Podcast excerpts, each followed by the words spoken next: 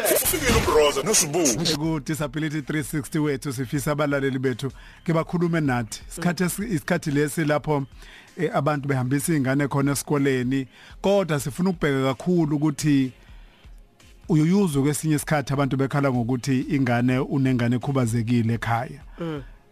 Njengoba kulesine lethu lwemindeni sifuna ukubheka iqhaza belingabanjwa umndeni ukukunikeza ukus- ukukusekela nanokuthi nje babe kanye nawe ekukhuliseni ingane esuka ikhubazekile. Ngoba kwesinye isikhathi uthola ukuthi aba abantu ab- abaphinde baba bahlukumeze engane ekhubazekile yiwo futhi amalungu omndeni wakho. Yeah sifuna ukuthi umlaleli mhlawumbe ke akasicocele naye mhlawumbe kungenzeka ukuthi uke wakubona ukuthi usekelo lungakanani emakhaya. Ngiyazi ukuthi kwesinye isikhathi omunye ngathi mroza isizathu sokuthi basuke bengaqondi abafundisi ukuthi umuntu okhubazekile fanele aphathwe kanjani. Kodwa nje mroza ngicabanga ukuthi ayidingi nokuthi ungaze uyifundele esikoleni. Yeah into ethi umuntu mangabe kungaba uhamba ngewheelchair kungaba ukhubazeke mhlambe kuukuthi uthatha kancane ngoba kwesinye isikhathi kakhulukazi laba bathatha kancane yibona ngicabanga ukuthi baye bagcina babazisulu kakhulu ngoba uyuthola ukuthi hayi wena stomless hayi wena u- uyabona ukhulume izinto kanti ingane ngempela iveli ingane ethatha kancane. Kuyenzani ingane lokho? Kungenzeka mhlawumbe ukuthi ukubonile kwenzeke ekhaya kini kwenzeke em- em- emphakathini wangakini. Mhlawumbe kwenzeke kweyakhe ingane. Yeah yeah yeah. Ngakho sithi ke asikunikeze ithuba uthi hashtag ndiza nathi ku Twitter eh ku Instagram ku Facebook bese siyaxoxa futhi hashtag ndiza nathi eh ku disability 360 yethu 089310 9193 sixoxe indaba Sibheka ukuthi umndenini nje ekhaya ukubaluleka kokusekelana kakhulukazi mawusuku nengane ekhubazekile njengoba sibhekena nesesikhathini eh seyingane sokuthi kuyingane ziyahamba ziya esikoleni mhlawumbe iyaqala nanokuthi iye esikoleni mhlawumbe nje umuntu wala ekhaya okuyena oyizalayo nokuyena oyibhekelela ingane. Uyavuka ekseni kakhulu aye esiko- aye aye emsebenzini. Niyakwazi ukusala nimlekelela ngakwazi ukunithemba ukuthi ningazokwazi ingane yakho ukuthi niyithathe ingabe noyibeka emotweni lapho ninakekele mangabe sibuya ntambama. Yilokho esikubhekayo kakhulu ukusekelana ekomndeni nomndeni ekunakekeleni ingane ekhubazekile. Sathi oqala ke sibone ukuthi bana simtholayo mroza ukukhozi? Yebo eh, shona? Yebo ngane yakho sikhuluma nobani? Matoboza ishiyelo ngawasibiya matoboza ayishiwe lwadlo daba esikhuluma ngawo ke walibona emphakathini noma emndenini? Yeshene mina mfethu nginomama wasekhaya unkosazi wami akaphilile kahle endlebeni. Mm manje ufuna ukuthi mawukhuluma naye ukhulume kakhulu kusho ukuthi nezwa nje omunye welungu lomndeni esehluleka kumbekezelela awubake esembiza ngokuthi usho akeze. Uyabona yangiphatha kabi leyo nto leyo ngoba ngiyazi kahle ukuthi amkhuza ngathi mina ungayisho leyo nto ngoba wena usemncane usazala sokwenzeka mhlambe uNkulunkulu akujezise ngalento oyishoyo Hey uyacabanga nje kuyilunga lomndeni elisho kanjalo. Nobuhlungu bebuzwe yiloyo muntu osuke eh, ekhubazekile ngesikhathi usumthu usumbiza ngaleyo nto manje ngendlela embi. Wayengasho kuye kesho ngasho kimi kodwa ngenxa yokuthi umkami kusho ukuthi kwafanele ukuthi usho kuye phela mayisho kimi ngoba anguthandanga ngempela nje ngamtshela ukuthi cha ungakusho lokhu wena ngoba uyambona umuntu ukuthi lento ayiyo akayithandi. Yeah ya no man siyabonga mfowethu. Into engithanda yilena yokuthi wamtshela. Uyangamtshela shem mm na siyabonga kakhulu mfowethu. Amen baba ngiyabona awuzeke okunye uthisha azobe hlangana nakho nje ekusukela nje ba- abantwana bebeqala abanye grade triple not kuze kuyo grade R grade 1 eh bazobe beqala nje behlangabezana nakho lokho okushiyo umfowethu ukuthi umntwana anga a- a- angakukhona ukuzwa kalula. Izinto ezinjalo ababhekene nazo othisha nabo ke njengama njengoyilunga lemndeni eh wena oseceleni usangaya futhi kuthisha uyosho ukuthi cha eh umntwana wakhe njalo. Eh kuye kube ngathi ungcono ungakhuluma umemeze. Ya ezinye inselelo nengane Ya. nengane ezinye. Kaningi i- igenge esikoleni uyuthola ukuthi i- i- i- iyadelelana ingane ziyadelelana vele umthetho wazo. Ya. kodwa uma ingafundiswa nje ukuthi kodwa kuyamlimaza loyana kwi self esteem yakhe indlela ayibuka ngayo bangabe nitsuke nizovele nikhulume naye noma kanjani ngesica naso ya. Ake sibheke sibuka ukuthi uba nomunye umphethe khoze? Sakubingelela Ngabaleka ukukhoze sakubingelela yebo sanibona Yebo baba sikhuluma nobani? Hayi sengisebevila sekukhuluma nogahla shalangu eroyu yebo yebo yebo phela. Eh sibuya yikho into ebuhlungu njengayo lento yokucasana abantu abagulayo manje. Yazi ngiyibone mina la emphakathini wangakithi kuyonteni manje semsindili nje njengalabantu laba kuthiwa amahlanya laba uze ukuthi edasidle la mina sidle amahlanya ubone ukuthi ephatheka kabi manje. Yini amahlanje eh laba nje abagula ngokomqondo labo nje Oh. Eh, ukuthi ukuthi nje sikamela singabantu sifunde ukukhuluma nje abantu sibaphathe kahle nathi asazi kusasa liphatheleni oba nabuthola basenzanga abanye nje kodwa Eh. uze umuntu ethi uyangena nje uyasha nani uzokuthiwa sihle nje nani dukanda ubona ukuthi ephatheka kabona abantu basafuna ukufundisa Mm, ngoba i- into enkulu kakhulu lento yamazwi ngihlale ngisho we- wena Bhele ngithi amazwi afana nenhlamvu yesibhamu. Uma uke Yeah. wakhipha emlonyeni wakho awusakwazi ukwabuyisela emuva sekuyosala ibazi usungamani uthi sorry. So kubalekile ukuthi abantu bayiqonde noma nokuthi baqaphela amazwi abakhulumayo kwabanye abantu. Siyabonga mfowethu. Yebo ngiyabonga futhi thatha omunyeke ukukhoze siyakubingelela. Sikubingelela. Yebo njalo hayi siyaphila mfowethu khona into ethanda ukuthi uthi ukushona phansi. Okay hayi. Yebo. Bhuti wami. yebo ulinde kumali semandeni Yebo bhuti. Okay. yebo njani? Eh sikhona. Usungangena udabini. yebo. Ngithanda ukuthi hey sibal yebo ngithanda ukuthi hey kubalekile manje ukubheka abantu abakhubazekile mani ngalendlela isimanga mani hey balekile hayi indaba ukucwasana ephathana kabi le ndaba le Siyabonga mfowethu. Siyabonga ucingo lwakhe lubuye lungathi lutho kushona phansi futhi. Sathe omunye ukukhoze kubingelela khozi. yo Yebo baba. yeah ngikhuluma nomlungu ngisagasa endaweni yasemuzana Yebo Thabela.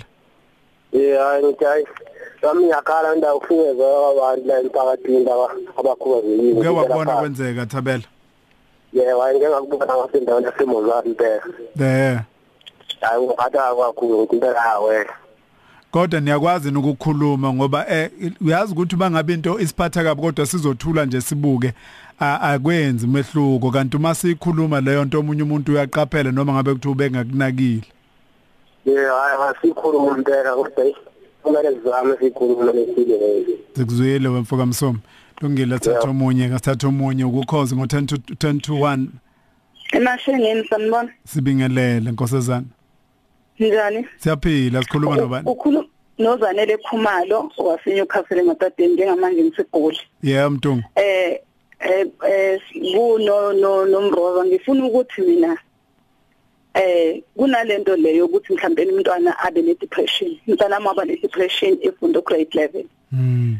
eh kodwa ngifuna ukukutshela ukuthi noma ngabe basebembiza ngawo wonke amagama uhlanya in ini kodwa mina nga decide ukuthi umntanami ngithathe musesibedlela ngimuse esontweni akhulekelwe. Mangakutshela njengamanje uzo graduate next year.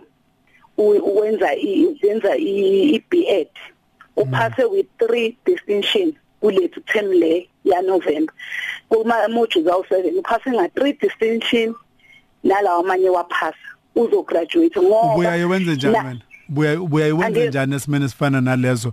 Ngoba mina ngiya yebo.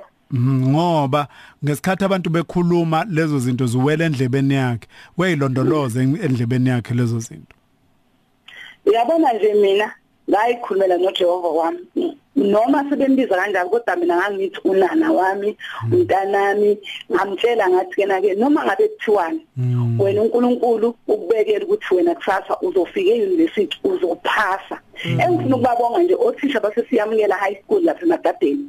Abeba ababekwazi ukuthi bambekezelele mangabe ukuthi simqalile lento yakhe class of 2012 abantwana abefunda nabo bekwazi ukuthi mangabe ngingasekho esikoleni beze bazomkhulekela ekhaya be- bemnika support kakhulu. Omele mgwala lapha esiyamukela o o lona u Mr Sokhela osewaba ku pension u principal wasesiyamukela bonke labo bantu babemnika kakhulu othisha basesiyamukela bonke ababefundisa umntana babemnika support babekwazi ukuthi bamthathe bamhambise ekhaya bafonele uma noma mina ngisemsebenzini bafonele uma uma ahamba yombheka esikoleni. Engifuna ukusho ukuthi uma ngabe usho into ngomlomo wakhe kuyikuthi nami ngangivumelana nabo labo bantu ukuthi umntanami uyinto kanje uhlanya ngabe kwagcina ku- kudalekile. Kodwa mina ngangimbone e graduate ngisho ukuthi kena ke noma ngabe abantwana benjani asibanikeni support nomndeni wakithi wanginika kakhulu support ngomntanami. Even uSimphiwe esase esase ku community radio ngangikwazi ukuthi ngimfonele bamkhulekisa umntanami namhlanje i-graduate. Kubo bonke abazali abaneyinkinga zabantwana abakhubazekile. Ngifuna ukuthi kena ke ababanike i-support kuphela nje. Hawu bakithi siyabonga abakufisayo ngabantwana babo. Ngiyabonga kakhulu. Siyabonga kakhulu. Kuyangithokozisa nje ukubona umzali ebonga othisha eh abangabazali bomntwana phela abahlala naye njalo imini yonke engekho yena esekhaya. Uyazi na- ya- sibathulela isigqoko othisha noku nokuthi nje emva kwesikhathi eside kangaka Mroza wawazi ukuthi into wayenza ngo2012 Yeah. ingazobongwa umuntu ngo2019 Ehhe. ngoba ihamba ibangelide lento ugogo wami wayathi ukuyiphatha kahle ukuyidumisa Yeah. nokuyiphatha kabi ukuyidumisa umehluko ukuthi ukuyiphatha kahle ukuyidumisa kahle. Ukuyiphatha kabi kuyidumisa kabi. Ngiyajabula ukuthi ubalule no no tissue sokhela ngiya noma ngakaze ngihlangane nawo tissue sokhela kodwa omunye wothisha omkhulu esasibazi ngenxa yemsebenzi yabo ngaleso sikhathi esaphethe lapha siyamukela high school. Womunye wothisha omkhulu ababehlonishwa kakhulu la KwaZulu Natal eh, nge- ngenxa yegalelo lakhe. Nangokushilo ukuthi usa retire kusho ukuthi ke siwumphakathi siwumndeni siwomakhelwane. Asondeleni kuleyo mizi esazi kahle ukuthi kunomntwana okhubazekile. Bese siphinde sisondela nakothisha okuyibona abafundisa lo mntwana ngoba njengamanje ngoba sikade sikhuluma nje nosibuthi kunomthisha ozoxakeka. Ngakhuluma nengane yangangizwa kanti i- i- izwela phansi. Ngakhuluma nengane yangibuka ngqo emehlweni kodwa kanti izama ukufunda ama lips kathisha indebe kathisha ukuthi uthini. Ngakhuluma nengane yatshekisa ikhanda yabheka le. Kanti hayi usuke letha lenenye indlebe ezwa Hey, kangcono. Nkosi yami. ukuze ikwazi ukuthi amuze uthisha. Kuyima ephenduka akhulume nothisha. Kodwa uthisha uma engakwazi lokho wena mzali ungamtshelanga. Kuba inkinga. Futhi nawe thisha nawe mzali uma uthisha sebhala incwadi noma esefika kwakho noma esekucela phela imeeting umhlangano ukuthi awukuze sizoxoxa esekutshela ukuthi hayi uyazi eh, ugeli wakho noma uboy wakho ngibone ngathi unomdlandla omkhulu kakhulu kunezinye ingane noma ngibone ngathi u- engathi uthatha kancane ayikho yini iprogram ebese ngamfaka kuyona? Musukulwa nothisha ngibheka lena umlaleli lo kade sikhuluma naye khona manje ukuthi lena yakhe iphazamiseke ingqondo yengane ngenxa ye depression yabona ukuthi depression akukona ukukhubazeka Yeah. kungathi nje into zelwe nayo Isimo. kodwa isimo esikufikele ngenxa yokuba nencindezi yezinto ezithile mhlambe ngenxa yeinkinga nezinselele ezisuke kade zikhona okusho ukuthi loyo muntu mroza angafika kuwena kade umjwayele ngenye indlela Yeah. aqhamuke kuwena ese eseyiphethe noma esenza izinto ngendlela eyahlukile Yeah. so kufanele ukuthi uqa u- u- ube umuntu okufundayo uk- umbheke umuntu mangabe efika kuwena kungathi usene behavior sihlukile kunalo Sibu, ijwayele. qinisile uqinisile sibu ngoba thina size size sibe sithi hey usibu noma u- umroza noma uba nave mamu eh. Uthi ukhuluma na nje vele kuphendule ngezwe elilodwa. Kanti sizoke sixoxe futhi nang- nangakho lokho sibu une autism Mm. akakwazi ukusho umusho wonke awuqeda ukuthi ngisahamba ngiyophuza amanzi uqhamuke sethi amanzi.